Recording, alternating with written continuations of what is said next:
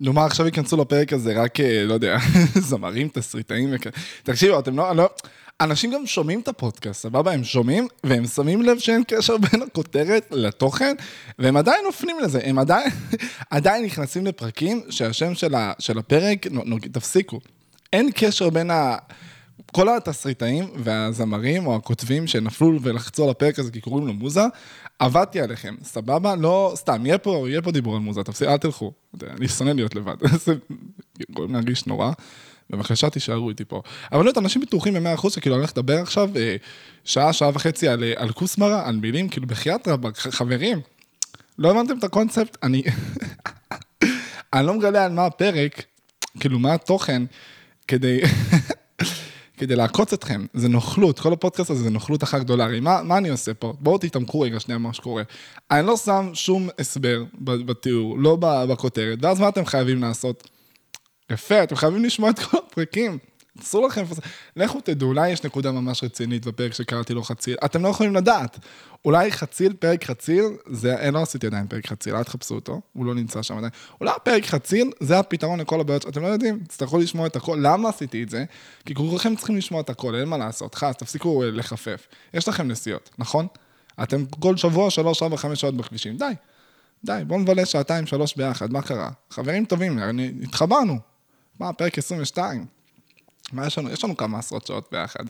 אני, אני עדיין, שתדעו שאני עדיין בהתלבטות אם לעשות איזה תוכן עניינים לפודקאסט, יעני, לא זה, עד הסוף, לכתוב איזה ארבעה, חמישה דברים שדיברתי עליהם כל פרק בתיאור, ככה של החדשים. בואנה, אני הייתי בטוח אני מסתכל על ה... על ה, על ה כל פעם שאני מעלה פרק, אז מראה לי את הפרקים האחרונים. פתאום אני שם לב, בואנה, כל, כל יום יש כאילו כמה, כמה עשרות כאילו ששומעים את פרק אחד, יעני שמצטרפים לפודקאסט. לא ידעתי את זה. אתם הולכים להגיע לפה רק עוד איזה שלושה, ארבעה חודשים, תשרדו. בואנה, אני לא מתעמק בזה מספיק, כי כאילו, אני, עושה משהו, אני מסתכל עליו כברירת מחדל, אני פותח פודקאסט, מבחינתי טוב, אז, אז עושים כל שבוע. שכחתי מהקטע הזה, ש... נניח, אה, יש אלף אנשים שעשו פודקאסט בארץ, סתם נורמל, לא, לא יודע, אה, תפסיקו לגגל, בסדר? אין, אין, לא יודע, אלף אנשים, נראה לי. אלף אנשים פתחו פודקאסט בארץ, שכחתי שמלא אנשים, כאילו, בפרק השלישי רביעי יוצרים. כאילו, בדיוק העליתי כזה, איזה משהו לאינסטגרם, ואז מישהו שלח לי הודעה, תשמע, 99% מהאנשים לא מגיעים לפרק 20 ומשהו. אז הנה, הגענו, אנחנו כבר מיוחדים, חברים. עצם זה שהגענו לפרק 22, גם אם זה רק אני ואתה שומעים את זה, או אני ואת, מה קורה, איך את מרגישה היום? אם זה רק שנינו, עדיין אנחנו ב... אנחנו במקום, אה, במקום טוב, חבר'ה, אנחנו באחוזון העליון, בשני אחוזון העליון, אנחנו, אנחנו חזקים. למה בחרתי מוזה? אני אגיד לכם, אני מעלה, כמו שאתם יודעים, שלושה סרטונים לטיקטוק כל יום, מהראשון באפריל, אוקיי? כבר עברו שבעה וחצי חודשים מאז, מלא. אמ, אני הולך לסיים עם זה בקרוב, כאילו, בקרוב אני פשוט הולך לשנות את כל המערך של התוכן שלי. אמ, אל תדאגו, הפודקאסט עדיין נשאר, אני חוויתי את ההתקף החרדה, מה, מי אני עובד? אתם ראיתם שיש עוד פרקים, אתם לא הגעתם לפרק הזה עכשיו. אני יודע שאתם... אה, יהיה עוד מלא מלא תוכן מכל מיני סוגים, ואני חייב כאילו... תחשבו שלעשות שלושה סרטונים ביום, שהתוכן שלך מקורי, אתה לא עושה אתגרים, אתה לא עושה ליפסינג וכל מיני שטויות כאלה בטיקטוק, אלא באמת מעלה תוכן אה, מסוים שאתה, גם, אם זה סתם הומור, אבל משהו שהוא מקורי וייחודי שלך, זה דורש מלא יצירתיות. תחשבו שהעליתי בשבעה וחצי חודשים האחרונים, סדר גודל של 600 סרטונים, משהו כזה. מתחילת שנה 700, כי מהראשון לראשון עד ראשון באפריל העליתי אחד כל יום. 700 סרטונים של כל אחד הוא אחר וייחודי, חובה שיהיה לך מוזה לזה, אתה חייב כאילו... יצירתיות, אתה צריך להתגלגל עם זה. ומוזה זה אחד הנושאים שאני הכי השתדלתי לחקור, לא רק בשנה האחרונה, במהלך השנים, כי יש, יש הרבה נושאים, בוא נגיד בצורה הכי פשוטה שיש, שהם כאילו נראים לנו נישתיים, כמו מוזה, אוקיי? אה, והם לא באמת נישתיים, כי הם נוגעים בכל אחד מהתחומים של החיים של כל בן אדם כמעט. מוזה זה משהו שהוא קריטי לאנשים, לא רק בקטע של כל אחד אה, מתישהו יישב מתישהו לכתוב שיר, ואולי אה, זה משהו שיגע בו בעתיד, או שהוא צריך... אה, לא, מוזה באה לידי ביטוי גם, עזבו, אתם בטח עכשיו תגידו, אוקיי, סבבה, אז מוזה בעבודה, איזשהו רעיון יצירתי לפרויקט. לא, לא, לא, לא. מוזה, עזבו רגע את כל הדברים שבעבודה ובקריירה וכאלה שאתם צריכים שיהיה לכם מוזה. מוזה, מבחינתי, מתארת כל סיטואציה שבה בן אדם אה, נמצא באיזשהו תהליך שהוא יוצא מהקופסה שהוא נמצא בה, אוקיי? הרי מה, מה, מה הסיטואציה? כשבן אדם, אם באמת זו סיטואציה כל כך, אה, בנאלית, אורגנית, כאילו משהו אה, רובוטי כזה, סטייל, אה, נניח אם באמת היה תבנית כל פעם של אה, מילים, או כן, קח דוגמה של שירים כי זה הכי קל, אם היה ב-2500 מילים ו-20 תבניות שונות לשירים, ופשוט צריך להרכיב אותם בצורה מסוימת, זה לא, זה לא נחשב מוזה, מוזה זה כאילו כשאתה יוצר משהו חדש, משהו אחר, כשאתה משנה משהו, נשמע מוכר, אוקיי? בן אדם יש לו חיים, אז הוא רוצה ליצור משהו חדש, עולה, אז אני, אני כבר אגע בזה, כי זה אחד הנושאים המעניינים. אבל אני רוצה שנייה להתחיל דווקא מהמוזה הקלאסית לכל האנשים שמשום מה כתבו מוזה ביוטיוב או בספוטיפיי ואיכשהו הגיעו לפודקאסט. בואו ניתן כמה דקות, כי זה כן מעניין וזה רלוונטי לכולם. אני רוצה להתחיל דווקא מהמקום האחר של המוזה. הרבה אנשים מתייחסים אה, לדברים שקשורים אה, למוזה בצורה, אה, יש את השני צדדים, יש את הצד הלגמרי אה, אה, היפי ויש את הצד הלגמרי פרקטי. משהו שמעניין, אוקיי? הכי, הכי קל להסתכל על אה, אומנים, זמרים, כי פשוט הם מתעסקים בזה כל הזמן. נתן גושן הוא דוגמה קלאסית. אני זוכר שאיפשהו ראיתי ששאלו אותו אם, אה, כאילו, איך באים אליו השירים, כאילו זה פתאום כזה בא לו בהברקה משום מקום שיר, או שהוא יושב ממש אה, כל יום, כל פעם, אה, כאילו, לכתוב, כאילו, מה, מה המוזה, איך, איך שירים באים אליו. והוא ענה תשובה שהדהימה אותי. הוא ענה, תקשיבו, אין דבר כזה מוזה.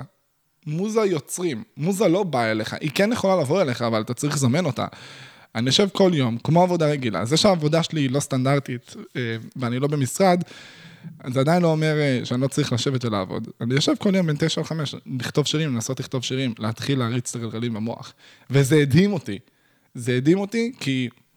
כי זה שקר, אין מצב שבאמת יושב כל יום בין תשע, סתם, אבל זה הדהים אותי כי אשכרה, כאילו הבן אדם לא, אני רגיל כל כך שאנשים כאילו מתייחסים לזה בתור אה, איזשהו, גם אנשים שזה המקצוע שלהם, בתור איזשהו כזה, היקום משדר עליי מסרים, אני חווה ומרגיש, ויש בן אדם, ואני בסשן איתו, ונראה מה אנחנו אומרים, לא, כאילו, אני יושב, אני עובד בזה, וכפר עליו, כותב ומלחין אה, מוכשר ברמות, אוקיי? אז איך, איך לתפוס את זה נכון? זה קצת מזכיר את הפרק של השיווק, שיש את הצד ההיפי לגמרי, שאומר, די, פשוט תן לדברים לבוא אליו, ויש את הצד הלוחמני, הלגמרי, סטייל, כאילו, אני אשב 8-9 שעות, ואני אזמן את המוזה. עכשיו, משהו מעניין. בואו בוא נדבר רגע על, על ספציפית על מוזה, ואז אני אקשר את זה לכל החיים עצמם, ונדבר ונעמיק, וניקח את זה למקומות שלכם. תהיו סבלנים, רוצה שתבינו מאיפה אני מתחיל, ואז יהיה לכם קל. תפסיקו להתבכיין, כל הזמן בוכים, די. אתם חזקים ועוצמתיים, ואני מאמין בכם גם. שתדעו שאני... איזה תמונה אני שם בת'אמנל ביוטיוב על מוזה?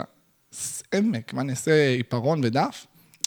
עזבו אותי עכשיו, לא, לא חושבים על שאלות קשות. דברים אה, באמת, מוציאים אותי מריכוז. כשבן אדם יושב לכתוב שיר, שהוא עושה את זה מתוך מקום של אני חייב, שבן אדם יושב לכתוב תסריט של סדרה של בואו נכתוב תסריט, זה לא ילך. כאילו, זה לא ילך אם יש לו כזה אקדח לראש, כי הוא יהיה עסוק באקדח שמכוון לראש. זאת אומרת, אם בן אדם נאנס לעשות משהו מסוים, כאילו ממש כופים עליו את זה, הוא כופה על עצמו את הסיטואציה, בצורה שהוא יהיה מכווץ, זה לא יצא ממנו, כי מוזה זה משהו שיוצא כשרפואיים. וכשנתן עושה את זה, אני מניח שהוא עושה את זה מתוך מקום שהוא גם יודע שאוקיי, יש לי שירים, יש לי הופעות, הכל טוב, אני יושב ויש לו את הדברים, את הדרך שבה הוא עושה את המוזה, אני בטוח שהוא לא יושב פשוט במשרד עם דף ועט, והוא מחצי לעצמו, תוך חצי שעה צריך לצאת פה לפחות שלוש וחצי שורות. לא, הוא, הוא, אני מניח שיש לו את השיטות שלו להוציא את זה. העניין הוא שהרבה אנשים חושבים שזה שתי קצוות, וזה הבעיה של כל החיים עצמם, עזבו מוזה, כל החיים עצמם, הרבה אנשים שנמצאים בקצה אחד, מפחדים שללכת לצד השני זה לקצה, זה לא עובד ככה, אוקיי? אנשים שנניח נמצאים בצד ה-IP, אני חוזר שנייה לפרק 10 של השיווק, זה היה עשר? לא, תשע. שאנשים נמצאים בצד ה-IP, והם בטוחים במאה אחוז שכל מה שהם הולכים לעשות עכשיו, אה, שהוא לא אה, מתחבר לרגש שלהם, הולך עכשיו למחוק את כל הרגשות, ומעכשיו אנחנו הולכים להיות אה, בצורה הכי קיצונית שיש, ונתעלם מהכל. לא, לא, לא, לא, לא, לא. זה לא, זה לא הולך לעבוד ככה. זה ממש לא הולך לעבוד ככה. כל מה שצריך לעשות זה להכניס קצת פרקטיקה, להשאיר את הרגש, הוא נמצא שם. ואנשים, כשהם יושבים לכתוב, שירים, ונניח, או תסריטאי שיושב לכתוב מ-9 עד 5, הוא לא מתייחס לזה, הוא לא... גם אם יש לו דדליין שהוא צריך להוציא חומר, הוא ישאיר לעצמו מרווח מספיק גדול כדי שהוא לא יצטרך להיות בפאניקה, כי הפאניקה תסגור. הפאניקה תעשה את הדבר הכי נורא בעולם, שזה פשוט יכניס אותו לתבנית מסוימת, כי הוא יהיה בחרדה המאוד מאוד מאוד רצינית, להגיע למצב שהוא לא עלינו, כן? פתאום, אה, וואי, זה, זה, זה חרא רצח. תדמיינו כאילו פשוט בן אדם, אוקיי? ש... חייב, נניח ארץ נהדרת, הם חייבים להגיע למצב שיש להם כל שבוע את החומר שלהם על הפוליטיקה ועל כל מה שקורה עכשיו בחדשות ועל הדברים. שבוע כדי להוציא את כל הבדיחות ואת כל הדברים האידיאליים, זה, זה, זה קצת, זה קצת לחוץ. עכשיו, בסדר, כל התוכנית של שעה יש להם שבוע, אבל זה עדיין לחוץ, אוקיי? בן אדם שכותב סדרה יכול אפילו למרוח אותה על חצי שנה, שנה, שנתיים. מה זה שבוע להוציא קטעים שהם גם מדויקים? אז פותרים את זה, איך פותרים את זה? במקום לשבת על זה שעתיים, שלוש ביום, יושבים על זה שמונה, תשע שעות ביום. במקום שיהיה בן אדם אחד, הם יושבים עשרה אנשים. אתם מבינים? פותרים את הבעיה הזאת. הדרך לפתור את העניין הזה של המוזה, אוקיי? זה פשוט ללכת למקום הזה של אני כן אשב על זה, אני כן אצטרך להיות במוד הלוחמני קצת יותר, בעמוד שאני רציונלי, שכלי, ולא אומר אלוהים או היקום או ה... כל אחד, הכוכבים ישלחו אליי אה, אה, מוזה. הוא אומר, אני הולך ליצור את המוזה, אבל אני אצור לעצמי תנאים, שבתנאים האלה אני לא אהיה לחוץ. וזה ממש ממש ממש קריטי, כי אם אני, אני אביא לכם דוגמה, אני יכול לדבר עליי, אוקיי? כשאני הייתי עושה את הסרטונים, אם הייתי אה, בשתיים בלילה עושה, אה, נשארו לי שני סרטונים ואני חייב ללכת לישון, כי מחר אני קם מוקדם, ואני חייב לתקתק את הסרטונים תוך שעה, אז הסרטונים היו יוצאים לי פחות טובים. לא כי היה לי פחות זמן לחשוב, אלא כי הייתי לחוץ להספיק לחשוב על רעיון לסרטון, ואז לצלם, ואז להוסיף את הכתוביות, והייתי יודע שאני חייב זריז אה, לתקתק איזה משהו, הדבר הזה היה מלחיץ את המוח, ואז הוא לא היה רפוי. ורפיון זה הדבר שמביא הכי הרבה מוזה, לכל דבר שרוצים לעשות בחיים. ואז... כשאני הייתי יושב, ו... וזה חרא, באמת, כשהייתי יושב ברכב או בעושה עדיחה ומנסה לחשוב רעיון, זה פשוט לא היה קורה. אממה, אם הייתי יושב בשתיים, שלוש בצהריים, שאני יודע שיש לי עוד 12 שעות ביום, הייתי אומר, יאללה, רעיון לסרטון, בוא נראה מה אני עושה.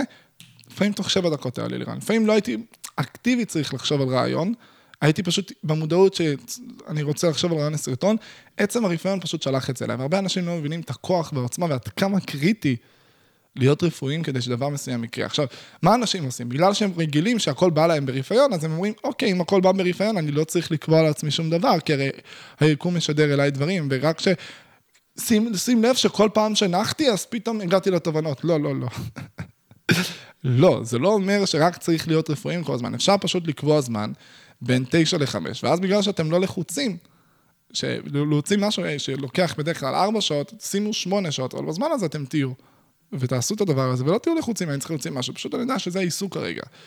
זה פתרון גאוני שנתן עשה, הוא לא לחוץ על כסף, הוא לא צריך להגיע למצב שמחר אה, יוצא שיר, כי יש לו הופעות, יש לו שירים, יש לו קהל, הכל בסדר. ועושים את זה. אז הדרך לבן אדם בעיניי שהוא אומן, אז כאילו, תעשה איזושהי מציאות, אוקיי? שבה אין לך לחץ להשיג את החומר באופן מיידי עכשיו, אבל תכניס את הזמן של ההתעסקות במוזה ביום, בצורה שבה כאילו, תביא לך את החומרים שאתה צריך בשביל הזמן, כאילו, איך אני אגיד את זה בצורה שלא תהיה, שלא לדמיין פשוט לוז מקובע כזה מאף, אני רוצה להעביר עיקרון, לא, לא לוז. אוקיי, אני אתן, אני אתן לכם את זה. דמיינו בן אדם, אוקיי, שיש לו לוז, ש... כן, עכשיו אני הולך לכיוון של לוז, אבל זה פשוט יהיה הרבה יותר חלב. דמיינו בן אדם שיש לו שבוע, והוא רוצה לפרוץ כמוזיקאי, והוא מרגיש שהוא צריך אה, להוציא שיר, להוציא להיט, אז... פשוט יש לו שבוע, במהלך השבוע תתעסק בדברים שייתנו לך שקט, רוגע ונחת, בלי שום לחץ שאתה צריך להוציא מחר להיט, הכל טוב, שהכל יהיה מסודר. ואז במקום להגיד, המוזה תגיע אליי, תקבע 4-5 שעות ביום שאתה יושב על זה, אתה תסריטה, אתה רוצה... תשים את זה בצורה שזה לא ילחיץ אותך. ואז גם אם תגיד שאתה צריך לעבוד בזה 12 שעות ביום, ה-12 שעות ביום אתה לא לחוץ, וזה יבוא אליך. והשילוב בין הרפיון לפרקטיקה, אל תהיו באוויר, אף פעם, אל תיתנו למציאות לשלוט בכם. הרבה אנשים אומרים, באמת, כאילו, לפעמים לא צריך ללחוץ, לפעמים זה פשוט מגיע. וזה מקסים, אבל אפשר לזמן דברים, אפשר להביא אותם. אני בטוח במיליארד אחוז, מיליארד אחוז, שאין סיכוי, אין סיכוי שעולים לי רעיונות ל-700 סרטונים אם הייתי רפואי בחצי שנה, שבעה חודשים. אין סיכוי. אין, אין אפילו לא 1 אחוז, באמת. היו עולים לי רעיונות, אם הייתי יודע שאני צריך להעלות סרטונים, הנה הייתי במודעות, סטייל אווירה כללית של מוזה, הייתי במודעות לזה שאני צריך לעשות סרטונים וזה באופן כללי, ולא בטוח שאני צריך להעלות שלושה, אחד, לא משנה מה.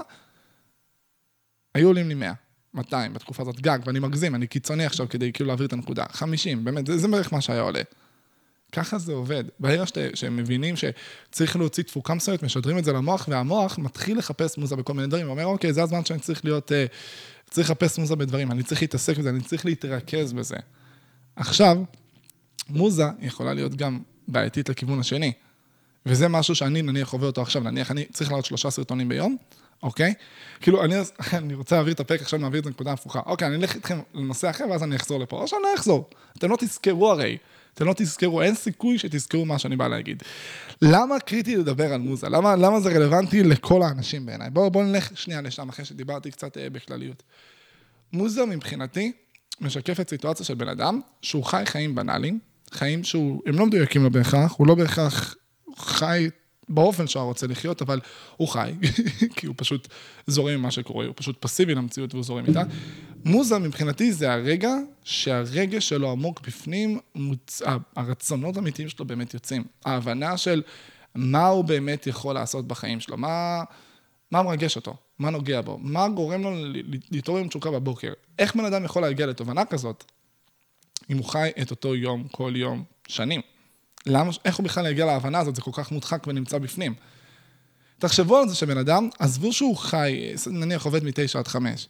הוא לא עובד מתשע עד חמש.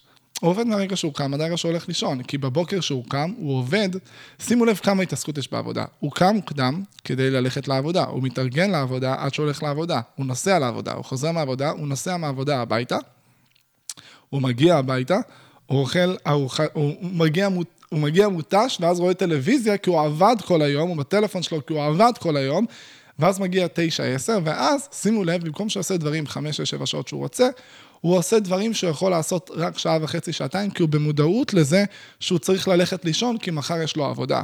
זאת אומרת, העבודה נמצאת שם בראש כל הראש, ואז תגידו סופה, שאני אגיד לכם יפה. בן אדם מגיע ליומיים מנוחה, משהו כזה שיש לו בסוף שבוע, שבהם הוא עושה משימות ומטלות וסידורים שהוא היה צריך לעשות באמצע שבוע, אבל לא יכל לעשות בגלל העבודה, אוקיי? ואז ביומיים שהוא נח בהם בסוף השבוע, הוא מרגיש צורך לנוח יותר מהרגיל בגלל העבודה.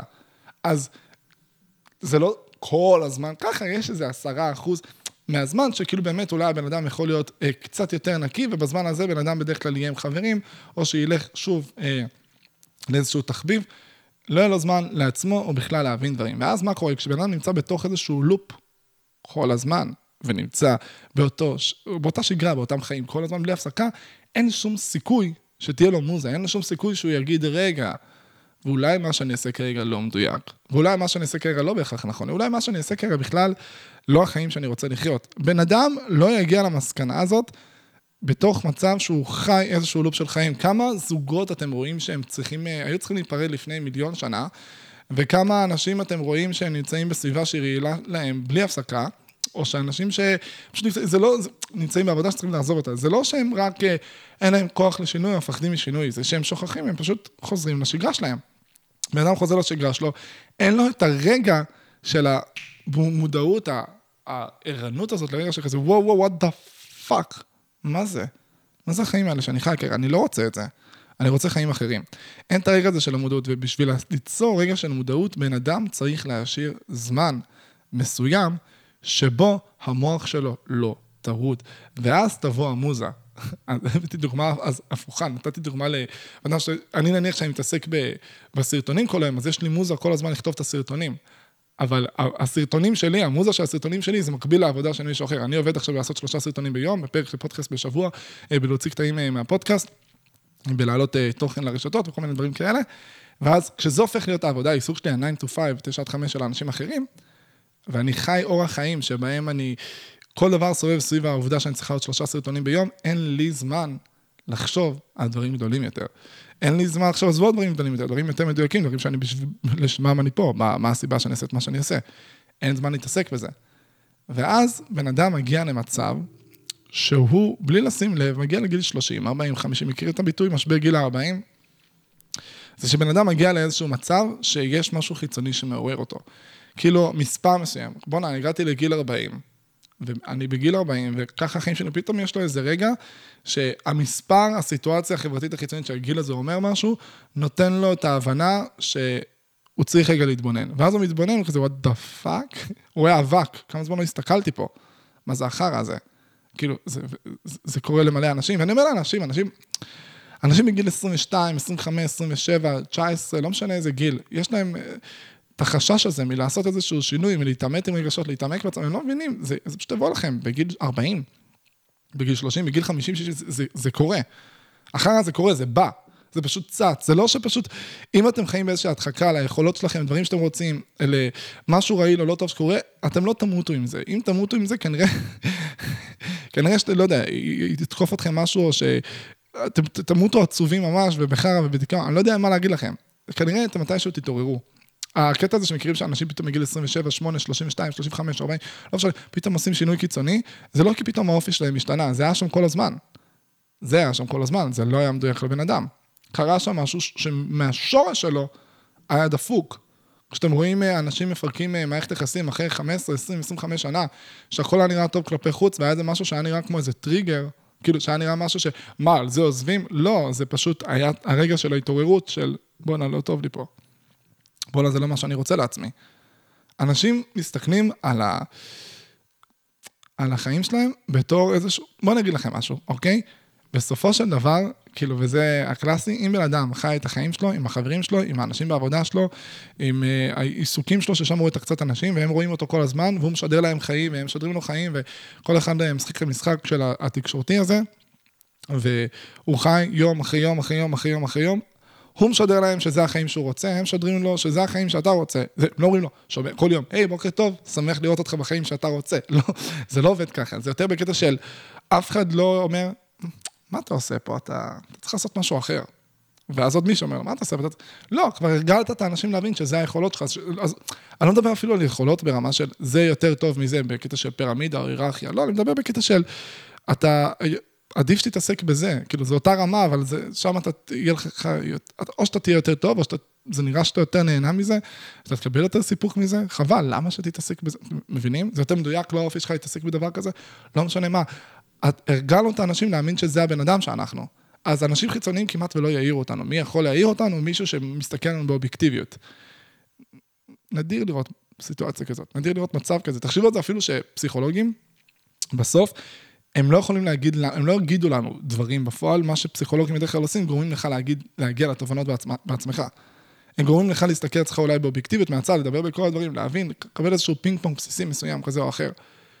וזה יכול לעשות גם מן הסתם לבד, אולי פחות טוב, אולי יותר קשה, אבל הבן אדם שיכול להסתכל על באובייקטיביות בצורה הטובה ביותר בסוף, בסוף, בסוף, זה אנחנו, אם אנחנו באמת נדבר עם עצמנו מבחוץ. עכשיו, מה, איך אנחנו, איך אתה אומר שאתה יכול להסתכל על עצמך באובייקטיביות? מאוד פשוט, אין בן אדם שמכיר את עצמכם טוב כמו שאתם מכירים את עצמכם. פשוט הבעיה של רוב האנשים שהם לא מצליחים לעשות את זה, שהם לא מסתכלים על עצמם בצורה מספיק ערומה, כי הם מפחדים להתעמת עם דברים. וואלה, זה מפחיד אחוז שרמוטה בגיל 33 4 להיות נשוי עם שלושה ילדים, להבין שזה לא החיים שאתה רוצה, אתה לא רוצה להיות נשוי לאישה הזאת, לא טוב לך בעבודה שאתה נמצא בה, אתה לא יודע אם אתה בכלל רוצה לחיות במדינה הזאת, מי, מי רוצה להתעורר במצב כזה? אף אחד. אז אנשים, מה הם עושים? הם פשוט ממשיכים את הלופ שהם נמצאים בו, כי הם מפחדים לפתוח פתח. חוק קטן של מחט, להכניס בחיים שלהם ולפוצץ את הבועה שלהם. הם מפחדים, מתים מפחד, למה? כי הם בטוחים ב-100%, בתת מודע שלהם, שזה לא, לא כזה פתיר. כאילו, תחשבו על זה ככה, וואי, אני אתן לכם את הקלאסי, אוקיי? אם בן אדם חי את החיים, אותו בן אדם שתיארתי הרגע, בטוח ב-100% שוואלה, אין לי ביצים להתגרש, אין לי אומץ בשום צורה לעזוב את העבודה ולחפש מקום אחר. גם אם היה לי אומץ, זה לא אפשרי, כי אני צריך לממן את המשפחה שלי ואני לא יכול. אז מה עדיף? לחיות את החיים ב-40% אושר, אוקיי? ולהסתפק במה שיש, או להתעמת עם כל הדברים, להבין שאני גם ככה לא יכול לעשות שום דבר, אני לא מסוגל לשנות פה שום דבר, הכל הולך להישאר כרגיל, אבל אני אהיה במודעות לזה שאני לא טוב לי פה ולא טוב לי פה ולא טוב לי פה, ויכול להיות לי מושלם שם, ועדיין לא לעשות עם זה כלום ולהיות מאושר 10%, 20%, וזה הסיבה שהרבה אנשים נתקעים במקום. המחשבה של האושר שלי ייפגע מלהתעמת עם הדברים האלה, אני לא רוצה להתעמת עם זה, כי אני גם ככה לא אעשה כלום. מה זה החרא הזה? למה שלא תעשו כלום? אנשים, אני, אני אגיד את זה כל פרק, אנשים לא מבינים, אתם חיים פעם אחת, פעם אחת, לא בקטע של אה, YOLO, לכו תעשו אה, בנג'י, עזבו, אתם באמת literally חיים פעם אחת. למה שתחפפו בזה? למה שמישהו לעזאזל ירצה לחפף בחיים שלו? זה כזה... כאילו, גם אתם מתים, סבבה? עזבו שנייה עולם הבא, דברים, עזבו, שימו את הכל שנייה בצד, אתם מתים, זה נגמר. לאף אחד לא אכפת מכם. בסדר, למשפחה עניינים סבבה, עוד 50 שנה, לאף אחד לא אכפת מכם. 100 שנה, ישכחו מכם, 200 שנה, זהו, אין, אתם סתם. סתם אבן, במקרה הטוב. באמת, כלום. מה... למה? למה להמשיך את זה? כאילו, את- אתם מבינים? עכשיו, הכל פתיר. בואו בוא נסתכל על זה רגע שנייה ככה. כמה אנשים עברו פשיטות רגל במצבים קיצוניים אה, עסקיים ויצאו מהם? כמה אנשים, ראיתם אותם עוברים משבר תקשורתי קיצוני, כל מיני אנשים אה, בוקרים למיניהם שיצאו מהם?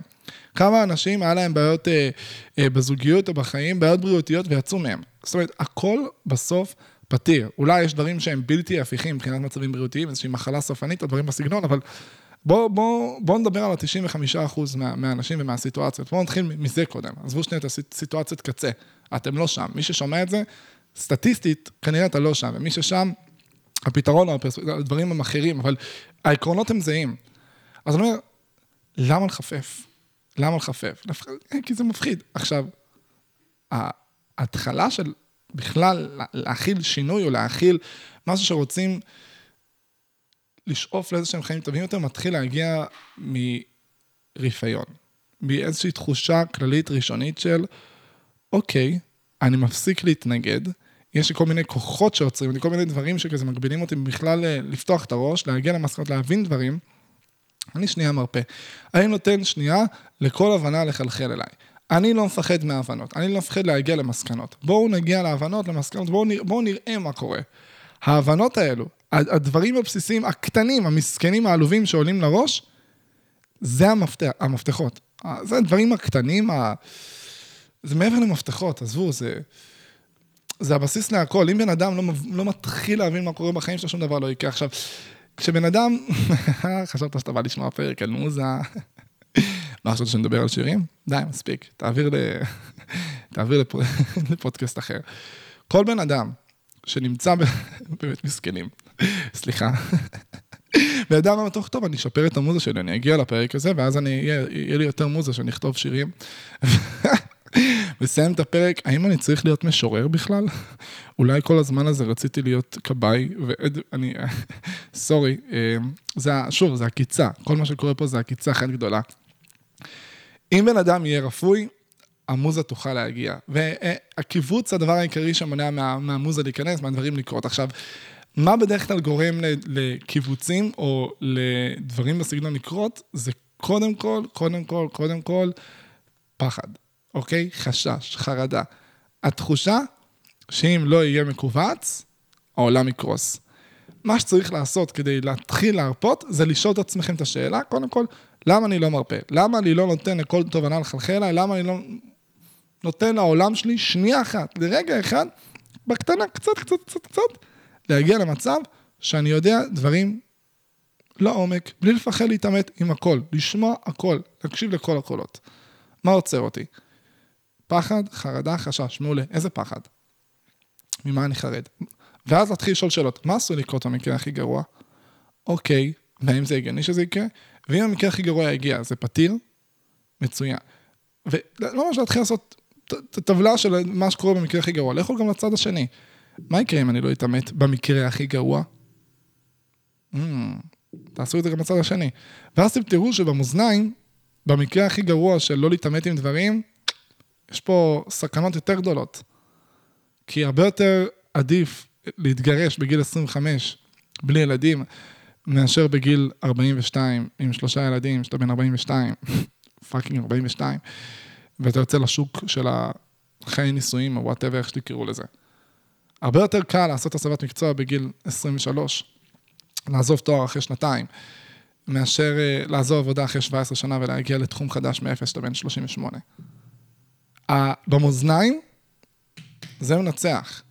להגיע לתובנה שאתה עושה את התואר הלא נכון, תתעמקו בזה, להגיע למסקנה שאתה עושה את התואר הלא נכון, ושהוא לא מדויק לך, ושאתה עכשיו, אתה הולך להגיע למצב שאתה תגיע לתובנה ואתה תצטרך לעזוב את התואר ואתה תגיד, לא יהיה לי עיסוק, אני בן 23, סתם בזבזתי זמן וכסף על תואר, אמ, אין לי, אין לי עכשיו חברים, כל החברים שלי כבר מקדימה ואני נמצא מאחור, כל מיני תובנות שבן אדם מגיע אליהם, אוקיי, סבבה. זה המקרה הכי גרוע, שאתה תהיה לבד שנה, שנתיים, עד שאתה תתאפס על עצמך, כן, וואי, זה מפחיד. מה יקרה בצד השני? נראה לי יותר מפחיד להיות תקוע בלי, בלי כלום ולהתחיל מאפס בגיל 38, לא? תעשו מאזניים. כל פעם שיש מעצור, תשאלו למה המעצור פה, ואז תסתכלו עליו, תשאלו שאלות, ואז תטילו בו ספק. אני מפחד להגיע למסקנה, כי עולמי יקרוס עליי. אוקיי, יכול להיות שעולמך יקרוס עליך, בקטנה. ובצד השני עולמך לא יכול לקרוס עליך? יכול. אוקיי, איפה הקריסה יותר קיצונית? פה. גם פה היא פתירה וגם פה היא פתירה. איפה הפתרון יותר קל? ברור שפה. מעולה, זהו, נגמר. זה הרבה יותר קל משנדמה לכם. ואז, כשבן אדם מתעמת עם, ה, עם הדברים שלו, והוא מגיע למצב שהוא מבין דברים, דבר אחרי דבר אחרי דבר, זה כל כך הרבה, הרבה, הרבה, הרבה יותר פשוט להגיע למסקנות ככה. וככה שינויים קורים. עכשיו, בן אדם, אני אביא לכם דוגמה עכשיו עליי, שהוא כל הזמן עסוק. וטעות עכשיו, גם בן אדם אה, רפו, רפוי ורוצה להגיע לתובנות. בן אדם שהוא כל הזמן עסוק ונמצא בשגרה שלו, כל כך, כל כך, כל כך, כל כך קשה להגיע למסקנות ככה. זה באמת, זה כאילו כמעט, אני לא רוצה להגיד בלתי אפשרי, כי הכל אפשרי בחיים ובלה בלה בלה, אבל בואנה, זה פאקינג קשה. אני רואה אנשים שאני עושה איתם לפעמים שיחות של שעה, שעתיים, חמש, אני יכול לשבת עם בן אדם, שיחה משנת חיים, באמת. משהו שכרואים שנפל לבן אדם אסימון וסוויץ' ועניינים, ואז הוא יחזור לבית עם המשפחה הרעילה שלו, לחברים הרעילים שלו, לא יודע, מהתואר או מה שהוא לא נמצא בו, ומהסיטואציה ובזוגיות שלו, ואז הוא פשוט חוזר ללופ. עכשיו, מה הבעיה? הוא חוזר ללופ עם ההבנה החדשה מאחורי הראש שלו, של כל המסקנות שדיברנו עליהן. והוא מנסה להדחיק אותם, אבל הוא לא יכול, זה צף כל פעם, אבל הוא עדיין חזר ללופ. וכשחוזרים ללופ, זה יכול לאט לאט לתת לדבר הזה לטבוע. דמיינו את זה בתור אה, איזשהו משהו שנמצא מתחת ל... למים, אוקיי? כאילו לבן אדם יש אה, ממש אה, ים בתוך הראש, ויש כל מיני תובנות שצריכות ליפול לו, שהן ביחד מתאגדות לתובנה אחת ענקית, ואיזשהו אסימון שצריך ליפול לו, אוקיי? ואז במהלך שיחה, הדבר הזה לאט לאט מתגבש, ואז הוא פשוט צף, אוקיי? הוא הופך לחומר שהוא צף, עולה, עולה, עולה, עולה למעלה, ואז הוא עולה למעלה, הוא מגיע לכל מיני מסקנות, הוא רואה את האור, הוא רואה את השמש, הוא רואה את כל הדברים בחוץ, הוא כבר לא נמצא בקרקעית והכל כזה חשוך שם. חשוך בקרקעית של, האוק... של האוקיינוס, 40 מטר למעלה, חשוך שם? אני לא קראתי על זה, מעולם. כשבן אדם, זה צף לו, פתאום הוא רואה דברים. ואז מה קורה?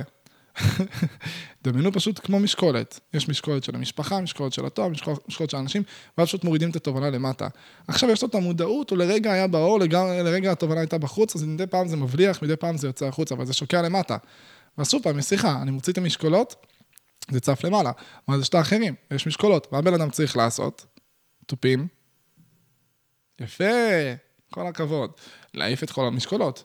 כל מה שעשוי לפגוע במוזה, כל מה שעשוי לעכב את הבן אדם מלהגיע לתובנות שלו ושנייה לראות את האור, לשים רגע בצד, כי הדבר הזה מעכב אותך. הדבר הזה מביא אותך למצב שאתה לא מצליח לראות את החיים שלך כפי שהם. אתה חי את החיים שלך. את, תחשבי שאת כל הזמן עם אותן חברות, אותן משפחה, אותה, אותה משפחה, אותם אנשים, אותה סביבה, את באותה עבודה, ברור שלא תצליחי לראות את הדברים שמעבר.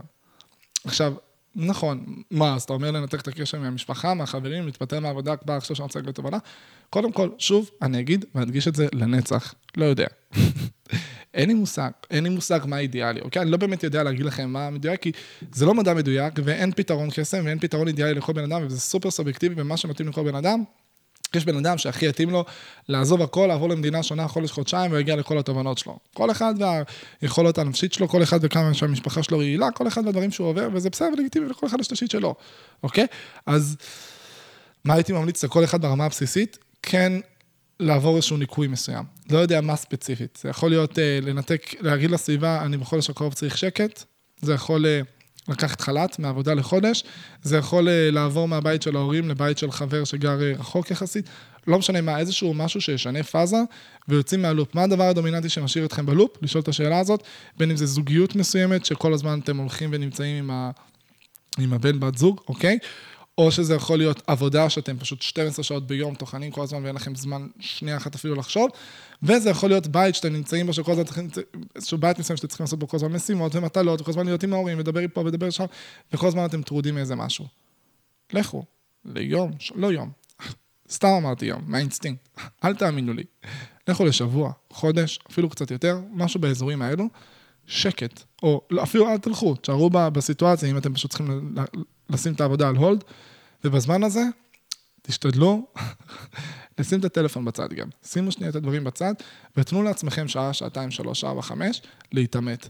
תראו את הדברים בחיים שלכם, תראו מה קורה, תראו מה צריך. עכשיו, מה קורה? בן אדם באמת נמצא, יכול להיות בלופ של איזשהו תואר שהוא נמצא בו, הוא נמצא בלופ עד יוני, ואז יולי, ואז יש את המועדי ב', ואז הוא כזה מתלבט על איזשהו קורס, ואז הוא נח חודש וחצי, כי הוא fucking עשרה חודשים, תשעה חודשים, למד, גם היה לו איזה בין הסמסטר הראשון לשני איזושהי הפסקה, הוא עדיין כל הזמן למד, הוא כל הזמן התעסק בלימודים.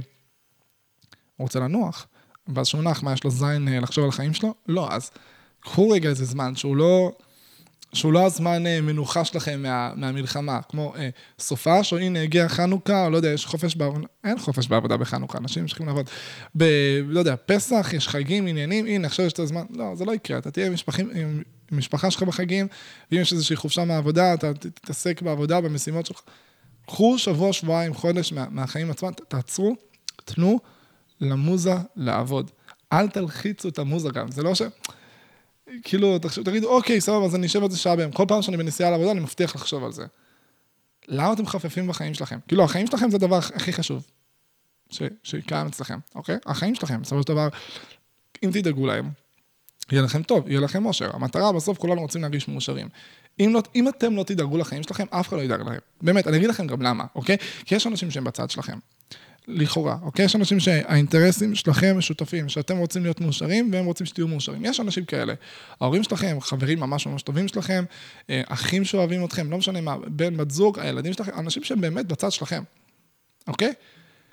אבל הם לא. משתי סיבות. א', אף בן אדם, לא משנה כמה טהור וכמה הוא אוהב אתכם, תמיד, תמיד, תמיד, תמיד, עמוק בפנים יש לו אינטרס הכי קטן, פצפון. גם אם הוא אוהב אתכם אהבת נפש טהורה, הוא לא יודע את האינטרס הזה והוא לא יודע שזה קורה, הוא גם לא עושה את זה בכוונה. זה קורה. אוקיי? אז זה דבר ראשון. דבר שני, כאילו, באמת, תחשבו אם אחת המסקנות העיקריות שאתם צריכים אה, להגיע אליהן, נניח אתם בזוגיות, ואתם צריכים להגיע לתובנה שאתם צריכים איזושהי אה, חצי שנה של שקט. בן בת הזוג לא ירצו לעזור לכם, לא ירצו שתגיעו לתובנה הזאת, אז גם אם אוהבים אתכם אהבת נפש, התת מודע שלהם יגרום להם להיות לא אובייקטיבי ולא יעזור לכם להגיע לתובנה הזאת, אוקיי? אז אף אחד לא יעיר אתכם מהבחינה הזאת, ויש את הסיבה השנייה, שאתם היחידים שבאמת מכירים את כל הסיפור. אתם היחידים שבאמת יודעים מה קורה אצלכם. אף בן אדם, אנשים רואים אתכם כזהות מסוימת. בן בת זוג מכירים אתכם כמו שהם הכירו אתכם אז. הם רואים, רואים שהשתנתם, אבל הם זוכרים אתכם כמו שהם הכירו אתכם. ההורים שלכם זוכרים אתכם בתור הילדים שאתם, כנ"ל לגבי האחים שלכם. אוקיי? אף אחד לא מכיר את הדמות הסופית שהגעתם אליה כרגע. גם אם הם מכירים, הם לא מבינים אותה עד הסוף, הם לא קוראים אותה עד הסוף, כי רק אתם מכירים את כל הניואנסים עד הסוף, סוף, סוף, סוף. אז אם אתם לא תהיו לבד עם עצמכם, בשקט, בלי אף אחד, ותדברו עם עצמכם, אף אחד לא יעזור לכם. אנשים ינסו, אנשים ייתנו לכם יד. גם כשאתם הולכים לפסיכולוג, מה שעוזר לכם זה לדבר עם עצמכם. אם אתם, ואני אגיד את זה מיליון פעם עד שזה ייכנס לכם לראש, אם אתם לא תדאגו לחיים שלכם, אף אחד לא ידאג להם. אם אתם לא תדאגו ליצור סיטואציה של מוזה על החיים שלכם, של שעה, שעתיים, שלוש, ארבע, חמש של שקט, זה פשוט לא יגיע. וזה הדבר הבסיסי בפרק הזה שאני רוצה שכולכם תבינו. כי אני יכול לדבר על מיליון דברים בפרקים, ואני מדבר על תובנות שהן, כל פרק יש תובנה משנת, משנת חיים מבחינתי, אוקיי? באמת, כל פרק. העניין הוא שהתובנה תהיה משנת חיים ואתם תחזרו לחיים שלכם. מבחינתי שום דבר לא שווה. אני לא, לא מעניין אותי בכלל, ברמה של אפס, להעביר סתם מידע חשוב, אוקיי? הנה, קחו מידע חשוב, וואי, איזה גבר רפאל, וואי, איזה מידע מגניב, וואי, איזה כיף שהחיים שלי... לא, מה אכפת על הזין שלי? מה, מה, מה, מה נעשה עם זה? המטרה שלי בסוף, בסוף, בסוף, כאילו, מה זה בסוף? מלכתחילה, שתהיו מאושרים. אני רוצה שיהיה לכם טוב יותר. אני באמת רוצה שיהיה לכם יותר כיף וקל ונעים לחיות את החיים האלו. וזה שאתם שומעים את מה שאני אומר, ושאתם אומרים, אה, וואי, נכון, היי, זה קורה גם בחיים שלי, לא אכפת לי. על הזין שלי אלף פעם, מה, אוקיי, סבבה, כפיים, הנה, כל הכ... מה, מה המהות? מה הפואנטה? הפואנטה זה שתעשו דברים. ומבחינתי, אני יודע טוב מאוד טוב מאוד מאוד אפילו, שאם אתם לא תתעמתו עם עצמכם עד הסוף, ותזרמו עם המוזה הזאת שאתם מגיעים אליה מתובנות שאתם מגיעים מכל מיני פרקים, שום דבר לא יקרה. כי אם מישהי עכשיו תשמע את הפרק של הדייטים, והיא תגיע למסקנה שבוא, אני צריכה באמת למצוא בן זוג, לפי uh, זה שהאידיאולוגיה שלנו זהה וזה וזה וזה, והיא ממשיכה לצאת לדייטים בטינדר, כי היא מרגישה בודדה ונננה, ומגיעה כל מיני דברים עם עצמה, ועם אותן חברות, שרגילות להכיר אותה בתור משהו מסוים, לא יקרה כלום. אבל אם, והיא עדיין בלופ של החיים והעבודה וכן, וכן הלאה, אבל אם היא תשב שעתיים שלוש עם עצמה, תראה את עונה, רגע, רגע, רגע, רגע, אולי, אולי באמת אני צריכה לעשות איזשהו שינוי מהותי, נניח לשים את האפליקציות בצד ולהכיר אנשים בצורה קצת יותר אמיתית, כי אז אני באמת אכיר בן אדם שהוא גם יהיה חבר שלי וגם אני אוכל לדעת מי הוא לפני שאני יוצאת איתו, כי באמת היה משהו במה שרפאל אמר בפרק, פשוט אני עדיין חי בעולם של הדייט. אם בן אדם יישב עם עצמו, יגיע לתובנות האלה, בן אדם, כאילו, באמת, הפודקאסט הזה יכול להיות פודקאסט קלאסי של, אה, אשכרה, וואי, נכון, נכון. ואז חוזרים לחיים שלכם. חבל, חבל. תתייחסו לזה כמו מוזה של אומן. תתייחסו לזה ככה, אתם צריכים ליצור סיטואציה, חלון, שהדבר הזה יכול לצאת ממנו. שאם לא יהיה את החלון הזה, פשוט שום דבר לא יגיע אליכם. אז אני בתקופה הזאת, מה אני עושה? אני צריך לעשות שלושה סרטונים ביום, נכון? ואני עכשיו בדיוק מגיע לתובנות שגורמים לי להפסיק לעשות שלושה סרטונים ביום ולהתחיל לעשות uh, דברים אחרים וגדולים. אז אני אביא לכם דוגמה קלאסית עליי, אוקיי? מה עשיתי? הרי אני גם מאמין בעוד משהו שדיברתי עליו בפרק הקודם, שכשבן אדם עובר איזשהו שינוי, שלא יעצור את מה שהוא עשה עד עכשיו, אוקיי? שלא י... ימחק אותו, כי אז uh, הוא פשוט יישאר בחוסר מעש, בחוסר מעש תוך שנייה בקלות, אפשר להגיע למצב של אה, דיכאון ובאסה ותחושה של פשוט ריקנות, ואז פשוט ממשיכים את, ה, את הלופ אחר הזה שלא עושים שום דבר. לא, לא, לא, תמשיך עם מה שאתה עושה, הכל בסדר, הכל טוב, הכל טוב, באמת. במקביל תחליף למשהו אחר. עכשיו, איך תחליף למשהו אחר? שבוע, חל"ת. פסק זמן במערכת יחסים. שבועיים של לגור במקום אחר. לא צריך להיות קיצונים, זה בדיוק מה שאני מדבר עליו. מה, אז אני צריך להיפרד? מה, אז אני צריך פה? לא, שנייה. דברו עם עצמכם. תהיו בשיח עם עצמכם, דברו עם, עם עצמכם, זה, זה כל מה שצריך לעשות. עכשיו, מה שאני עשיתי, וזה היה חולני למדי, במשך כמה ימים, היום יום רביעי, בשבילכם יום שלישי של שבוע הבא, וואי, אני מקדים אתכם בשבוע. אתם רואים את העתיד, אתם מה? אני שמח בשבילכם. אני עד היום, כאילו כולל אחרי הפודקאסט כזה, בשעות, כמה שעות אחרי הפודקאסט, יוצא שצילמתי ודאגתי ל-24 סרטונים מוכנים, משהו כזה. ואני מעלה שלושה סרטונים ביום, כאילו כולל אה, של שלשום שהעליתי, וזה משאיר אותי עם שקט עד יום שלישי. עד יום שני כולל בעצם.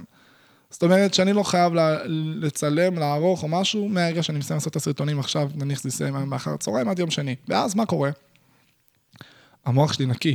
כי כרגע המוח שלי לא נקי, כי גם אני רוצה לחשוב על דברים, אני חושב על אסטרטגיות, דברים שאני רוצה לקדם, לעשות, להפעיל, ואז פתאום עולה איזה רעיון לסרטון, עולה איזה מחשבה שהיא רעיון לסרטון, עולה המחשבה שאני צריך לעשות סרטון היום ואיך הלו"ז שלי ייראה. שנייה. מבינים? אז מה עשיתי? יצאתי לעצמי סיטואציה שיש לי חמישה, שישה ימים של שקט, מוחלט. מאמצע רביעי, חמישי, שישי, שבת, ראשון, שני, וואי, איזה כיף, שישה ימים של שקט. והדבר הזה, זה א', ב', של בן אדם שבאמת לא צריך להיות חיים שהם מדויקים. אין מה לעשות, אנחנו בתוך אינרציה מסוימת, כל הזמן. מבחינתי מוזה זה לא, זה לא רק המקום הזה. כאילו מוזה זה כן בעיניי משהו שהוא חשוב גם במקומות אחרים, כי מוזה זה מבחינתי מדבר על יצירתיות. וזה נושא שהוא ממש ממש חשוב, כי רוב האנשים, מה לעשות, הם רגילים להיות... אוקיי, אני אגיד לכם את הדבר הכי קלאסי בעולם, סבבה? אני מניח שכולכם פה מכירים את הקטע הזה של קורסים של כסף באינטרנט, נכון? עכשיו, אני מכיר את העולם הזה די טוב. לא... לא מכיר את העולם הזה, כן, מכיר את העולם הזה מאוד מאוד טוב בעצם, מגיל ממש ממש צעיר, של איך לעשות כסף מאמזון ומשיווק שותפים ומ dropshipping ומארביטראז' וכל מיני דברים, עזבו, מכיר את כל העולם הזה. אני מכיר אותו גם מהמקום של לראות את התלמידים ולדבר איתם. אני הייתי, עשיתי איזשהו פרויקט, גם לפני, גם כשהייתי בן 19 וגם לפני איזה שנה וחצי, שלחתי לבן אדם כזה שמכר קורסים, ואמרתי להם, תקשיבו, הם לא מיישמים מספיק, בואו אני אעשה מה... אני יכול להשתמש בזכות הכלים המנטליים שיש לי, להעלות את הרמת יישום של האנשים, כי אני יודע מה הסיבה שהם לא עושים, אז בואו נגרום להם לעשות, כי הם סתם קונים קורס והם לא עושים איתו שום דבר. ואני מכיר את האנשים האלה מקרוב, ואת מה שקורה איתם. עכשיו, האנשים האלה זה לא האנשים האלה, זה פשוט רוב המוחלט של האוכלוסייה. שהתרגלנו להיות רובוטים. התרגלנו פשוט לעשות מה שצריך לעשות. מהיסודי, תיכון, צבא, אני אגיד את זה לנצח, באמת. כל הזמן אומרים לנו מה לעשות, ואנחנו פשוט זורמים עם זה. אנחנו פשוט חיילים ממש ממש טובים. אוקיי? ואז אנחנו ליטרלי ממשיכים להיות חיילים מגיל 18 עד 21. אנחנו רגילים להיות חיילים. עכשיו, מה העניין? שבעולם של חיילים, אם אתה רוצה לבלוט, אם אתה רוצה להצליח, אתה לא יכול להיות חייל, כי אם אתה חייל, אתה עושה את מה שכולם עושים. ואם אתה עושה את מה שכולם עושים, אתה נמצא באותו קרב עם כולם. בשביל להצליח במשהו מסוים, אתה צריך לבלוט. מעבר לכישרון ייחודי, או זה שאתה יכול לעשות משהו קצת יותר טוב בצורה טבעית, אתה צריך לבלוט. אם לא תבלטי, לא ישימו לב אלייך. עכשיו, מעבר ללא ישימו לב אלייך, כאילו, אז אני לא מדבר על תשומת לב, אני מדבר על כאילו על, נניח ברמה העסקית, שיראו את המוצר שלך או את השיווק שלך, אוקיי? אין דרך לבלוט בלי, קודם כל ברמה הבסיסית, הבסיסית, להיות יצירתי. להיות יצירתי זה לא אומר עכשיו אה, לעלות על איזשהו, להמציא את הגלגל, מה שנקרא. להיות יצירתי אומר, אני לא חושב רק בצורה הבנאלית. וזה אחד המעצורים הכי גדולים של כל. הפודקאסט הזה, הרבה פעמים, רוב הדוגמאות כאילו יהיו ממש קשורות לעסקים. מה לעשות? כי זה כאילו דוגמה קלאסית של אנשים שלא חיים את החיים הבנאליים. כי החיים הבנאליים, אתה פשוט עובד בתוך איזושהי מערכת של העסק, אז אתה, אתה כאילו קצת מחוץ למשחק הזה, כי אתה יוצר איזשהו משחק משלך, אוקיי? אתה חי חיים שהם אחרים. אז קחו את הדוגמאות לחיים האישיים שלכם. כל בן אדם ש... יסתכל על החיים בצורה, הנה וואי, הנה דוגמה קלאסית, דוגמה קלאסית, סבבה? חבר שלי מוריו, אוקיי? הוא מחפש עכשיו עבודה ב-VR. אוקיי? הוא מתכנת מוכשר רצח, מגיל ממש צעיר הוא מתכנת.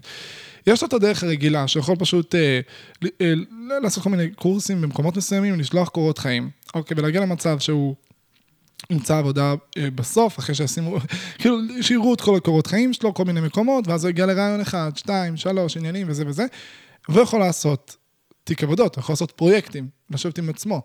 ואז יש את הדרך היותר יצירתית, אתה יכול לעשות תיקי עבודות ולדפוק בדלתות של מקומות, שזה יותר, אה, יותר נחשב. ואז הוא יכול גם לעשות, סתם נביא לכם דוגמה לרעיון, הוא יכול לעשות אה, איזושהי אה, פרובוקציה מסוימת, שתביא אותו לתקשורת של אני מחפש עבודה, יכול לעשות סרטון מצחיק, סרטונים ויראליים מצחיקים על זה שהוא מחפש עבודה, ואז איזשהו אה, מישהו שמתעסק אה, בהייטק, שהוא אה, ב-HR, בגיוס, או המנכ"ל של איזה חברה, יתלהב על האיכויות ועל האמביציה של הבן אדם ויקח אותו לעבודה.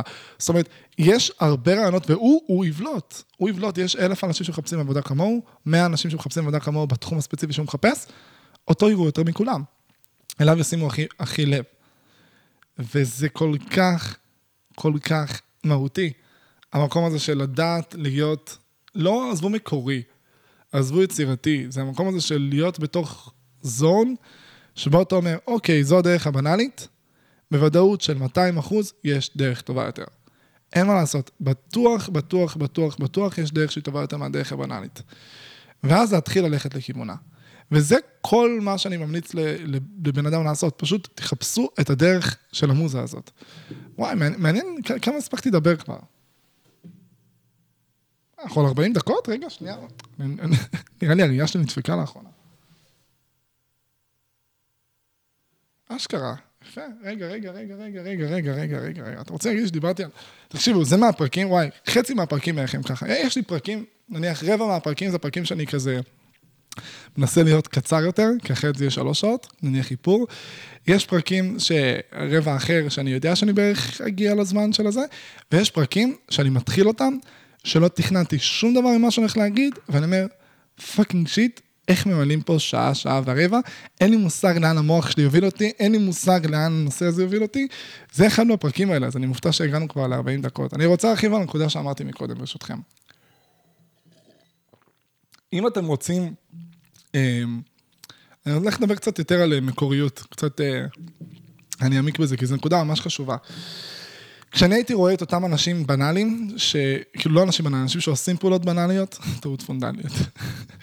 אנשים שעושים פעול, פעולות בנאליות וקבועות כל הזמן, הייתי מסתכל עליהם והייתי חושב לעצמי, מה, מה המטרה שלך בעצם?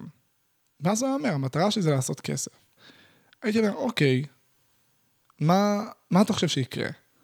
בן אדם, אני נראה לי, אני יודע איפה הבעיה מתחילה. הבעיה מתחילה לא, לא בבן אדם, כאילו, אני לא מסיר ממנו אחריות, הבעיה היא בבן אדם, אוקיי? הבעיה מתחילה בזה שלפני שהוא התחיל לעשות את הדבר הזה, הבטיחו לו משהו. אמרו לו, תעשה 1, 2, 3, ואז תרוויח כסף. כאילו, זה, זה הדרך. ואז הוא אמר, אוקיי, אז אני אעשה 1, 2, 3 ואני ארוויח כסף. אני חושב שהבעיה היא לא, היא לא באנשים, באיך שהרגילו אותם לתפוס דברים כמו כשאנשים מוכרים את הקורסים האלה. וואי, מעניין. מה, אז אולי הרגילו אותנו חברתית? אני יודע, אנשים רואים מה קורה בחוץ, ואז הם רגילים פשוט לעשות את מה שקורה בחוץ. בן אדם אומר, אוקיי, אני זמר, כל פעם נלך לדוגמה הזאת, אני זמר, אז מה שאני צריך לעשות זה אה, ללכת למישהו שהוא כותב ומלחין לאולפן, לבקש מאנשים שיכתבו לי שיר, לשפר את היכולות המוזיקליות שלי ולחפש כמה שיותר הופעות. לאחרונה זה גם, אני אעלה קצת סרטונים לרשתות החברתיות. בן אדדם פשוט מסתכל על מה אנשים עושים, או מה עובד, או מה צריך לקרות, אז הוא פשוט אומר, טוב, אז אני אעשה את זה בערך. אף אחד, מה זה אף אחד? 95 אחוז, 8, 98 אחוז, לא יגידו מה העקרונות שגורמים לדבר הזה לקרות. מה אני מחפש בפועל? אני מחפש להתפרנס כמוזיקאי. מה זה אומר להתפרנס כמוזיקאי? שימו לב, שימו לב ל, ל, ל, למה זה מה זה להפעיל את הראש? מה זה מוזה, אוקיי? אני רוצה להתפרנס כמוזיקאי, מה זה אומר להתפרנס כמוזיקאי? זה אומר שמשלמים לי כסף על הופעות, יפה. זה אומר שאני אקבל תמלוגים על שירים שכתבתי, אוקיי. איך אני מגיע למצב שאני מתפרנס מהופעות? שיש קהל שרוצה לשמוע אותי, איך משיגים קהל?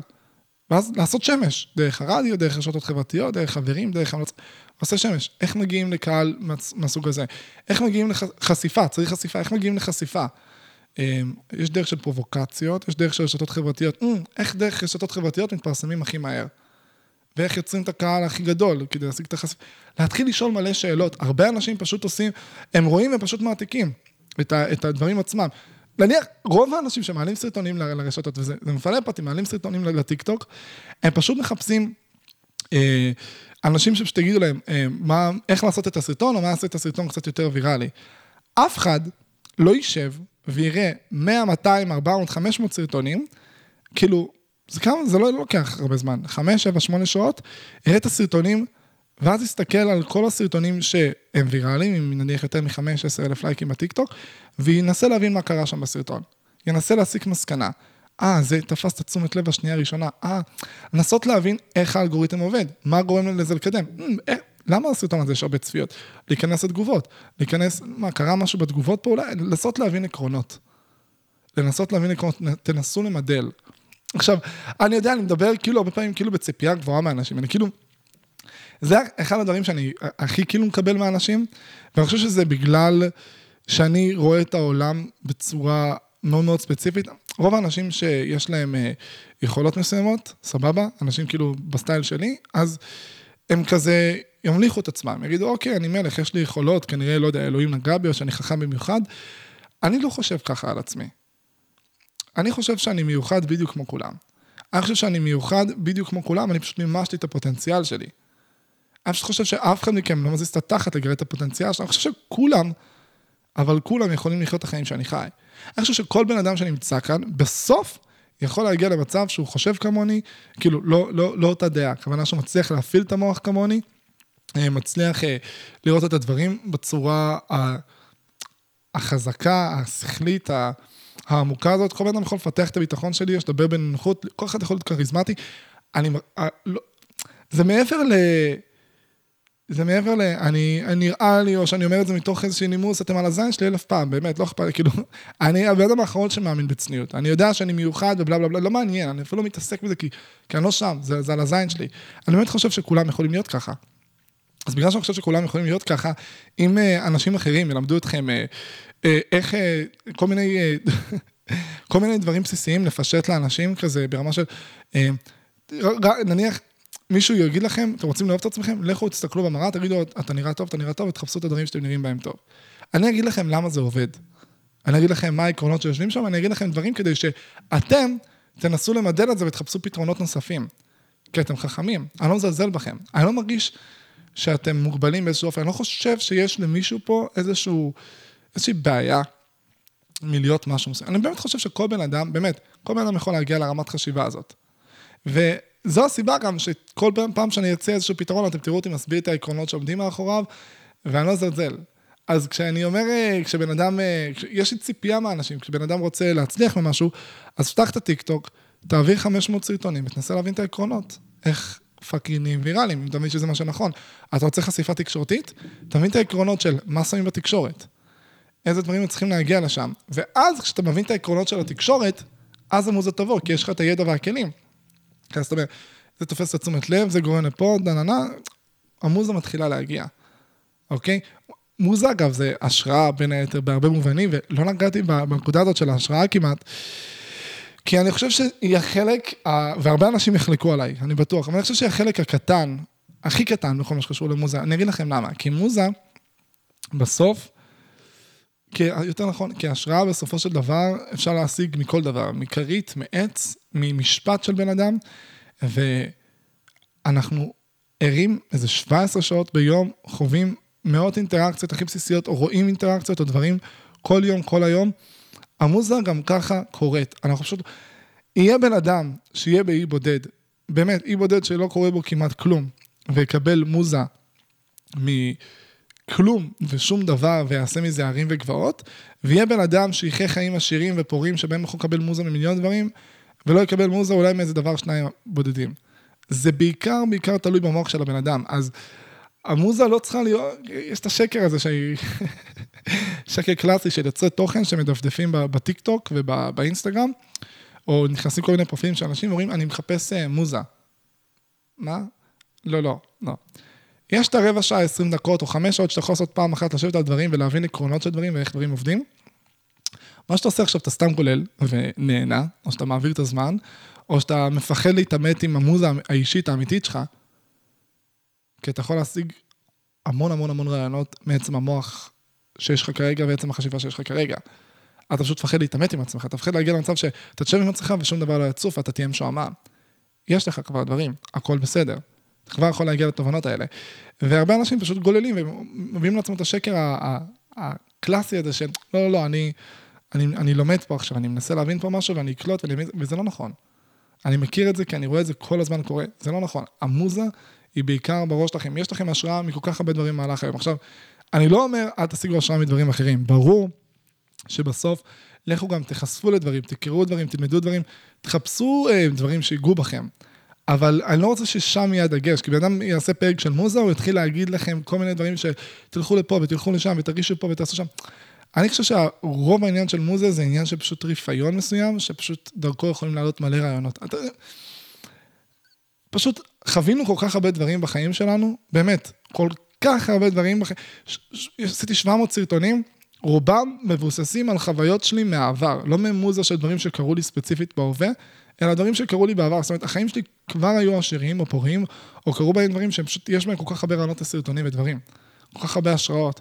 אם אה, אה, זמר לא צריך להרגיש משהו, אה, כותב הכוונה, לא צריך בהכרח להרגיש מה שקורה לו בהווה. כדי שיהיה לו מוזה לשיר, הוא יכול להיות רפוי ולחשוב על רגשות, ואז הוא ייזכר ברגע שהוא הרגיש בגיל 13, או בסיטואציה או בחוויה, ויתעמק בה, או יתעמק באיזושהי סיטואציה שהוא ראה רגע ברחוב. זה לא, הוא לא צריך להיכנס לאיזשהו משהו אחרות עולם. זה עוזר, זה נחמד, זה מועיל, אבל כאילו לא תלוי בזה. וואו, יש, יש על מה לדבר. בואנה, מתקדמים, אני מגיע לשעה? וואלה, לא, לא, לא, לא היה לי ודאות שהפרק הזה יגיע לשעה. על מי אני עובד? הייתי ממשיך עד שעה, הייתי מתחיל לזיין לכם את השכל עד שזה היה מגיע לשעה. איי, איי, איי, בואנה, אני, אני תוהה לעצמי. אני, אני חייב להעלות את הנקודה הזאת שוב פעם, כי אני, אני, אני לא יודע. אם כאילו נכון הקטע הזה שקראתי לכל פרק בשם אחר, באמת מעניין עם אנשים, הרי פרק הראשון קראתי לו פודקאסטים, אוקיי? ורק עכשיו בדיוק אני חושב על זה, איזה גאוני זה, כי אנשים סתם אה, בספוטיפיי יכולים לכתוב בסרצ' פודקאסטים. ומעניין אם אולי אני מופיע להם ב keyword, כי כאילו בן אדם כתב פודקאסטים, מישהו הוריד ספוטיפיי כתב פודקאסטים, רוצה לשמוע פודקאסטים, ואז פשוט אני מופיע לו, כי קראתי לפרק פודקאסטים, אז מבחינת פעילות חיפוש זה נמצא שם, אז מעניין אם אנשים פשוט סתם כותבים אה, ברנדומליות אה, דברים, פתאום מישהו באמת כותב מוזה, ואז זה פשוט מביא לי אנשים מכל מיני קצוות, מישהו אחד יחפש מוזה, אחד יחפש דייטים, ההוא יחפש פרי סטייל, איזה ראפר, ולא דיברתי שם בכלל על ראפ. ופשוט ככה אנשים מגיעים מכל מיני קצוות. וואי, זה, זה היה רעיון יצירתי, מעניין, ומעניין... איזה אסטרטגיה מוזרה בחר. אגב, זה, הנה, זה יצירתיות, אני סתם לכם דוגמה. אני החלטתי בקלות ללכת על המקום הקלאסי הזה, שפשוט לקרוא לפרק בשם של איזשהו נושא מסוים. הייתי רפוי, אמרתי לעצמי, מה אני מנסה להשיג בפודקאסט? למי אני רוצה להגיע? מה המהות? איך, איך אני רוצה שהפודקאסט יראה? איך אני רוצה לדבר? לחשוב, לדבר, לשאול שאלות. אז אני חושב שאם בן אדם יאמין בזה שהוא יכול... אני חושב שהכל מתחיל באמונה שלכם, כי כשאתם שומעים את הפרקים שלי, ולפעמים זה נשמע כאילו, וואי, אתה מדבר כאילו אה, הכל קל והכל פשוט... ברגע שבן אדם אומר את המשפטים האלו ובאמת מאמין בזה שהכל צריך להיות מורכב או מסובך, או ש... אה, בסדר, אתה זה ככה, אתה עברת דברים, אתה יכול להיות ככה, אני לא ככה, אני בן אדם אחר. בן אדם שמאמין בדברים האלה באמת, בוודאות של 100% יהיה בלופ שלו עם עצמו וייתקע. אם בן אדם יכניס לעצמו את האמונה שהוא מסוגל להיות משהו אחר, שהוא מסוגל אה, גם לחשוב בצורה הזאת, או לחיות אורח חיים כזה, אין שום סיבה שבעולם שזה לא יקרה. אין שום סיבה שבעולם, באמת. וואי, זה מה זה קריטי, באמת, כל המ... זה פרק מה זה חשוב מבחינה של... אני רואה אנשים בלופים סביבים בלי הפסקה, בלי הפסקה, באמת, כל החיים אני רואה אותם בלי הפסקה. אני חושב שאחד הדברים שאני, במהות של העשייה, בסוף זה, זה להוציא, אני חושב שזה למה כתות זה דבר שאחד הדברים שהכי מעניינים אותי בעולם. באמת, כתות. כי בן אדם שהוא נמצא ב cult, רמת המוזה שלו היא פשוט באפס. ב- באמת, בעיניי באפס. עזבו מוזה בתוך ה cult עצמה, עזבו את זה, אני מדבר על מוזה של, של, שלו עם עצמו לגבי החיים ולראות דברים, הוא פשוט לא אובייקטיבי, הוא נמצא בתוך לופ כל הזמן. וכשבן אדם נמצא בתוך לופ, אני מת לשים לו מראה. מה הכי לא, בוא תראה, מצחיק. עכשיו, עזבו את האלמנט גם הנוסף של קשה לראות את הסבל שלהם, והדבר הזה גורם לי להרגיש כאילו, אני רוצה להציל אותם ולעזור להם, ואכפת לי מהם ובלה בלה בלה. ברור שזה המהות, אבל המקום הזה של בואנה, בן אדם נמצא בתוך איזשהו לופ, אין דבר מדהים כמו להתעורר. התעוררות, באמת להסתכל על דברים. אני אגיד לכם גם למה זה כזה מדהים. תתעמקו בזה רגע, אוקיי? דיברתי על זה באחד הפרקים הקודמים. אה, בחידות. יפה. אחלה זיכרון, כל הכבוד. אומגה שלוש. יל, ילדים קטנים, אפשר לראות אותם כל הזמן שמחים, מתרגשים, נהנים. זה כי הם כל הזמן לומדים דברים חדשים, כל הזמן נחשפים למשהו, כל הזמן חווים איזשהו תהליך של אה, לגלות ו- ו- ולחקור ודברים עוברים, ובאיזשהו גיל מסוים, אנחנו כזה, טוב, אוקיי, זה מה שזה. וזה לא מה שזה, כי יש עוד שבעה מיליארד אנשים בעולם, עוד אלפי תרבויות ודתות ועקרונות ונושאים ומקצועות. אין סוף לגלות ולחקור ולצאת מהעולם האישי והפאזה האישית שלך. העולם הוא מדהים, העולם הוא רחב. ואם רק נפקח את העיניים, אנחנו נראה את זה. אם רק נפתח, נפתח את העיניים, אנחנו נוכל לגלות שיש עוד כל כך הרבה דברים שעדיין לא הגענו להם או גילינו. וזה למה אחד הדברים שהכי מספקים או מרגשים אותי, זה לראות סיטואציה שבן אדם שהוא מתעורר, שהוא מגלה, שהוא יוצא מתוך איזשהו כלא או מתוך איזשהו לופ שהוא היה נמצא בו. וזה למה כתות זה... אני חושב שגם כתות עוד סיבה. ביי, קחו, קחו קצת מידע, קחו קצת מידע. האמת זה מידע מעניין. עוד סיבה שכתות זה נושא שמעניין אותי, הוא שאני מאוד מבין בנפש האדם, ובלה בלה בלה, ובאיך בן אדם מרגיש, כל, כל השיט הזה שאתם כבר הבנתם, אוקיי? ולכן אני גם מאוד מאוד מאוד יכול להיות טוב בלהיות מניפולטיבי. בקלות. איזילי, מניפולציה זה דבר, מבחינתי, אחד הדברים הכי קלים ובסיסיים בעולם. אני לא חי ככה, אני כאילו חי בסקאלה השנייה, אני, אולי זו גם מניפולציה. אני הבן אדם שכאילו, הכי כאילו, תמחקו ממני כל מניפולציה, בתור אחד שגם פעם היה, היה חי ככה, באיזשהו, לפעמים שקרים מסוימים עם עצמו וכאלה. מניפולציה זה משהו שהוא קל לי לעשות. ולכן, אני רואה כל מניפולציה, מניפולטור, כמו גיי שיש לו גיי רדאר, אז אני, אני מניפולטור בפוטנציאל שיכול לראות כל מניפולציה של אנשים. וכשאני רואה מנהיגי כתות, אני רואה להם. אני רואה להם הכל. אני רואה את המניפולציה שלהם, אני רואה את המניעים שלהם, אני רואה מה הם מרגישים, אני רואה למה הם עושים את זה, אני רואה את הרצון שלהם בחיבוק, בכוח ובעוצמה, אני רואה את הרצון שלהם לשלוט, אני רואה את, ה, את הפסיכופתיות שלהם, אני רואה את הדברים שלהם, אני מבין מה קורה שם. ובגלל שאני נמצא בצד השני, אבל עם היכולות האלה ואני רואה אותן, אז אני מרגיש ש... אני מרגיש איזושהי אחריות מסוימת, שכאילו, היי, נולד פה מניפולטור עם כוונות טובות בעולם הזה, בזמן שהרבה אנשים אה, מניפולטיביים... אה, ש...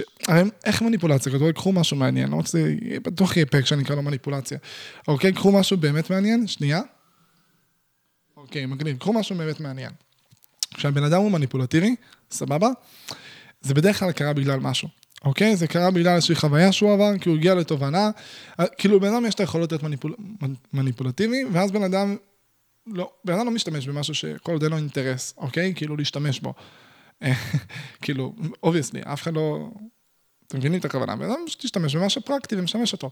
אז בן אדם הגיע, הגיע לאיזושהי תובנה, נניח הוא סבל, לא היה לו נעים, היה לו, לא היה לו כיף, ואז פתאום ראה שהוא יכול להשתמש בשקרים ובתמרונים ובכל מיני דברים, כדי להגיע למצב שהוא משפר את המעמד שלו, את הסיטואציה שלו, אוקיי? ואז הוא ראה שהוא טוב בזה, ואז הוא התחיל להשתפר בזה, ונהיה יותר טוב בזה, יותר טוב בזה, ואז בדרך כלל האנשים האלה זה אנשים שהגיעו למצב שהבסיס שלהם היה שהם עברו איזשהו משהו רע בעבר, משהו רע בילדות, ואז יש להם חסכים, ורצון לשליטה, ורצון בכוח, כל מיני כאלה, ואז בדרך כלל אנשים מניפולטיביים לא יהיו אנשים טהורים, יהיו אנשים שחסר להם משהו, יהיו אנשים שצריכים חיבוק.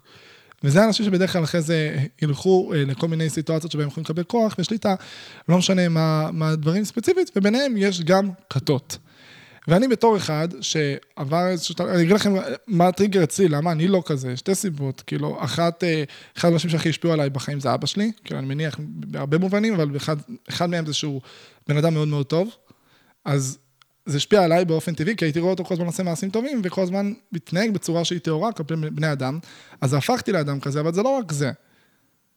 הדבר השני, והלא פחות חשוב, אני ממש זוכר את עצמי בתור ילד, אני חושב שזה היה נקודת המפנה, שזה מה שהשפיע לדעתי על כל מי שאני היום, על כל העשייה שלי, בסוף בסוף זה הדבר הזה, זה שכשאני הייתי חווה ביסודי, שאנשים היו מרביצים לי, או מציקים לי, או עושים עליי חרם וכאלה, אני זוכר שאז, במקום להרגיש את הרגש של, הא אני אנקום בהם, הא אני ארביץ להם בחזרה, אני, כשיהיה לי כוח, לא, אני הרגשתי את הרגש מאוד מאוד חזק של, אני יודע שמתישהו אני אהיה בעמדת כוח, אני יודע שבוודאות של 100% שאני אהיה חזק או גדול מתישהו, שיהיה לי כוחות ויכולות, ואני רוצה שאחר זה ייפסק, כי זה לא היה לי נעים עכשיו. אני לנצח אשמור על הטוב הזה שלי. וההבנה הזאתי, שאם הייתה מאוד קריטית, ליוותה אותי כל החיים, ואז כל זמן שהשתפרתי ונהייתי בן אדם יותר ויותר וזה וזה, אז האמונה הזאת, המחשבה הזאת, הרצון הטוב, הטהור, שקיים בי, נשמר לאורך זמן. ואז הנה אני, נמצא לפניכם, אדם אה, עם יכולות מניפולטיביות קיצוניות למדי, אדם שרואה עד לעמוק בפנים של התחושות הכי עמוקות ואפלות של הבן אדם, שרואה את כל החרטות וכל השקרים, ורואה את כל המניפולציות של כל בן אדם, לא משנה כמה הוא מדהים בזה, רואה את הכל, אבל עדיין טוב, עדיין טהור, אוקיי? מעיד על עצמי, כן?